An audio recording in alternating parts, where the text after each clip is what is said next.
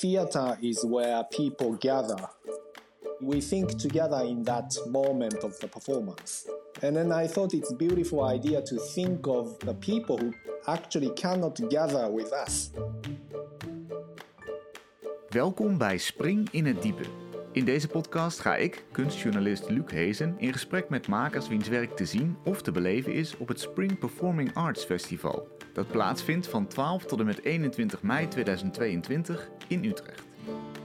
In deze aflevering praat ik met de Japanse Michikazu Matsune over de performance All Together. Die voert hij uit samen met de Nederlandse Frans Poelstra en de Amerikaanse Elizabeth Ward. Het trio haalt op het podium herinneringen op aan personen die niet fysiek aanwezig kunnen zijn en bewegen en dansen om die herinnering vorm te geven. Michikazu, before we get to the idea behind the performance, what will we see on stage in Utrecht? What you see is three performers on stage. Me, another performer called Frans Poelstra, originally from Netherlands, and another dancer performer called Elizabeth Ward, uh, originally from Detroit, Detroit in in in United States. And so you see us three, and we will be talking about um, people we know um, who cannot come and see this performance. So it's a performance about the people who cannot be with us at this moment. And you are sitting on three chairs at some point, and there's dance, obviously. Yes. Can you describe the images? Yeah, in the beginning, um, we are three of us sitting on a cha- on on cha- on three chairs, and always um, one name appears um, behind us.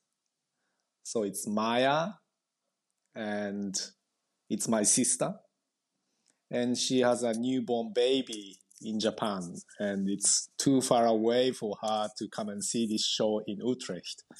Mm-hmm. It starts like that, and then one by one, different names appear, and it's somebody one of us knows very well through through like in our from our life at some point. Some are like childhood friends, some are like our art teachers, performance teachers, some are uh, our former lovers, and so on and so on. So it's really like a catalog of broad uh, range of people we know from at some at some point from our life.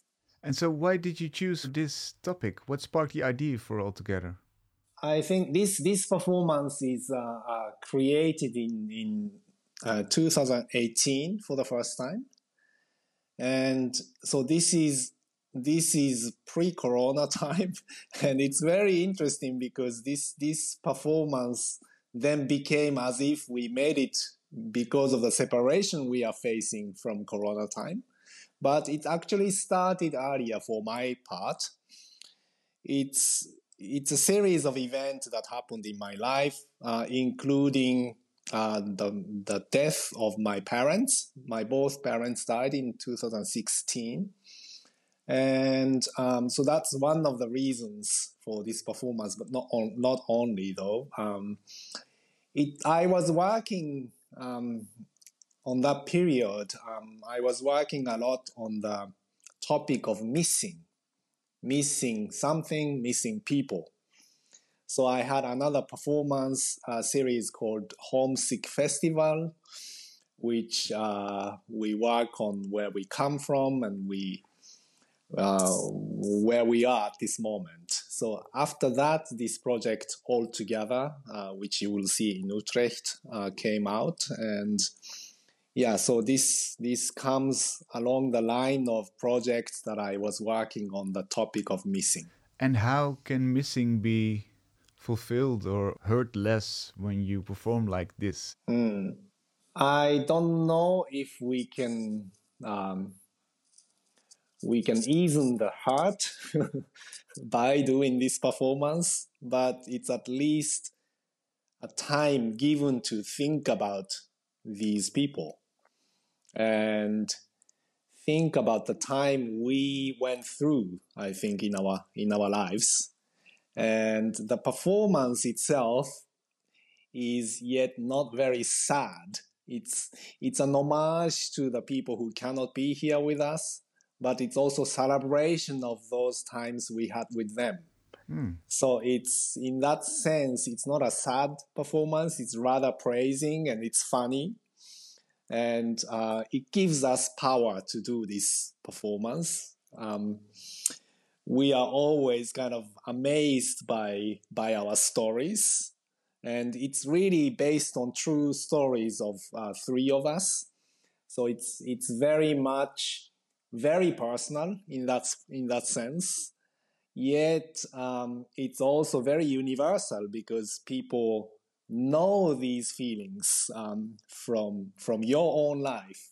So that's that's how I think that's that's for me the beauty of this performance. That uh, three people, um, one from Japan, one from Netherlands, one from United States, um, share these universal feelings, and I think this this is a feeling that anyone in audience can also relate to. I opened the window and stood in the middle of the room and in this garden, so, she grows, of it was many about five years back when I went to this lecture. Here, Michikazu is eating a burger.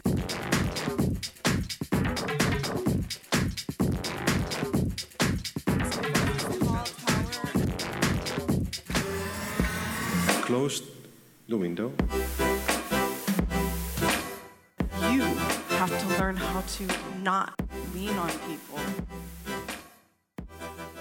Do you have an example of one of those stories? Can you maybe highlight one of them so that we have an idea of what we will experience? Mm. So it's it's a lot of a lot of people appearing actually in this performance. It's over over. I think we talk at the end. We talk. I think maybe seventy names appear mm-hmm. um, on the screen. It's always just written simply the name of the person we talk about, and it's. I think in the end, it's more than seventy people um, it, there's there's one. It starts very kind of um, funny with some family members, some childhood friends, and there is one moment. Um, Elizabeth talks about uh, her ballet teacher, who who died of AIDS in the 1980s and this is um, this is a kind of uh, one of the turning point in the performance that uh-huh it's it's there are different lives that passed away and there are different life paths that we go through. There are a series of people who already passed away. So we think of these people. It's the moment we think of them now and and yeah then again like there are so many different uh, um, reasons why these people are not here like there's funny sequences that uh, that um, um, that a girl i met that could have become a kind of romantic relationship but it didn't mm-hmm. because of the kind of misunderstanding uh, in one evening that that is spoken about. There is uh, Frans Poelstra's um, also former girlfriend who he separated after a very heavy kind of psychological relationship, and so on. Um, so we hear about these stories in words, but yeah. how can you translate these events into performances, in, in, in actions, movements? Yes, so we we start by describing these people or describing how the time with these people were for us. At the same time, with some of them, we kind of describe them in the way that we almost become them. There is, for example, a sequence um, when I talk about my grandmother, who was um, um, who was who was who was uh, practicing Noh theater dance, dance in the Noh theater, and she was a hobby um, hobby Noh dancer, and I describe seeing her performance as a child. I went to see that with my my my parents took took me and my brothers there, and it's it's you know it's a it's a traditional Japanese theater with and and she appears wearing this kind of really big kimono and and mask on. And but when she came out on stage, I didn't even recognize her because she's wearing a mask and she's wearing something very unusual to my understanding. But my mother said, "Yeah, that's that's our that's our that's your grandma." So to to to show this scene, to illustrate this scene, I kind of dance how she danced and how I saw her dancing when I was a child.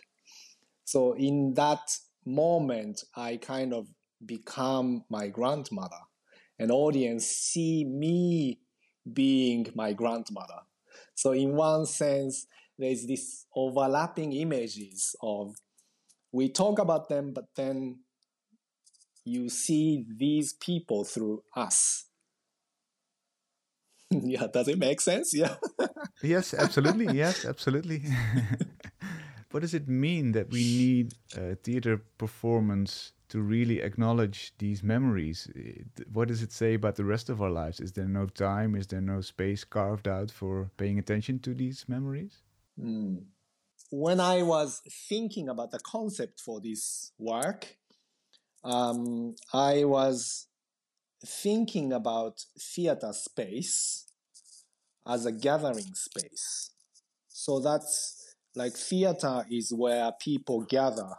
Sometimes a lot of people gather at the same time, and we we think of we think of something or we think we think together let's say mm-hmm. we we mm-hmm. think together in that moment of the performance so for an hour we think of we think together and then i thought it's a beautiful idea to think of the people who actually cannot gather with us. So that was the beginning how it started. What was the question you were asking? The question was what does it say of our time outside of the theater and our, our world there mm-hmm. that we really need to carve out this time to make pay tribute to these memories we have? Mm-hmm. I don't know what it does. It's it's it's very much to do with our life um, outside the stage. It's very, it's very long years of making. Let's say if we think of involving these uh, these stories from our childhood, I always think of okay, it took us uh, four or five decades to be able to make this performance. so this is for me a beautiful thinking that okay, it's not just this two months, three months of creation time. It actually took whole our life to be made to be able to make this performance. And I think you will see like how how how our lives really cross and come together on stage like three diff- three different people and at the same time many many different people we met so it's a it's a kind of miracle miraculous moment for me to to see this coming together. That this is really just one time thing, um, including the audience, including you who will see this performance on that evening. And that's really this one time event in your life. Right, which is built up of decades of memories and stories yes. that are inside your brain, and we're thinking it together inside yeah. the theater now. Yes, inside our brain and inside our body in one sense. It's like uh, we we kind of the experience we had with with these people are in us, in uh, in in physically mm-hmm. in us. Mm-hmm. what is the most surprising movement that we see in the performance? Is there one thing maybe from from your partners on stage that you thought, wow, this movement I, I would have never expected to be linked to memory? Well, I mean, there are a series of like surprising moments, um, like the experience uh, Frans had um, in the 1980s. He was taking a workshop by the composer John Cage somewhere in the woods of Finland. And for me, this is a fascinating story. John Cage, you know, I admired him whole my like whole my artistic career. It's like a legend. Mm-hmm and Frans, who is just my colleague, just, just like talked like had met him, and and and in this workshop, Frans was they all made like the compositions. So Frans made some kind of movement composition and showed it to John Cage. And this this performance is really really really funny. And at the same time it's fascinating for me to think of the 80s ah john cage was still alive. He came from new york to finland. Frans visited from amsterdam to, to finland and they met each other. It's really unbelievable for me to imagine that. So there are so many stories like this. Some art stars are appearing in this performance. Some of our our teachers etc and some are like stars like John Cage and some others. And yeah, and and there is this one moment where where we all three of us dance dance very strongly. This is this is at this moment somehow it shifts uh, from talking about the others it's almost like all these experiences and stories are embodied into our our bodies and that's that's one moment where for me this this dance and movement physicalization makes very much sense. We are here and we we dance here. We are present and and this is this is the beauty of the stage and live performance. And you feel that in this moment. Right. So it's a crossroad of of all these different stories and threads that are being put together there on the stage mm-hmm. that you can that you mm-hmm. can actually uh, mm-hmm. vi- see and visit and experience as an audience member as well you're on that crossroad mm-hmm.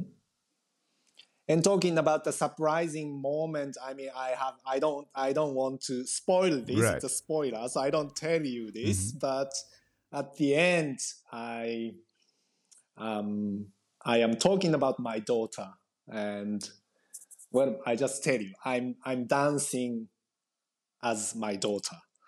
So I dance uh, in one scene. I dance as my grandmother, and in another scene, or towards the end, I dance as my daughter. So this is this this these are examples of how how how this performance look like. Yeah. So I so I would say that fascination for memories is and stories is the basis of this show. Do do you agree? Yes. Yes.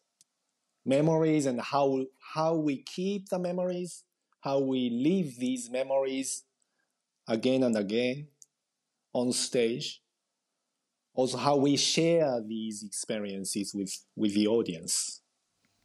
Does it also relate uh, in a larger sense to the globalized world where we can where it's easier to get from get from uh, Amsterdam to Finland and from America to Finland and meet each other whereas 100 years ago it wouldn't have been possible mm-hmm. yeah i think i think a lot of my work uh, works that to do with the globalization of contemporary society. Um, and and of course, it was not possible 100 years ago. I, in other performances, I speak very much about the means of traveling. Like um, I have made a performance about air, air, airplanes and airports, and I have made uh, some performances that involves um, large migration of people through ships, giant ships, um, in the end of um, 19th century, from Japan to Brazil, etc., from Japan to Hawaii, um, from where to where, and so on. So um, globalization is a ongoing topic for my work. Um,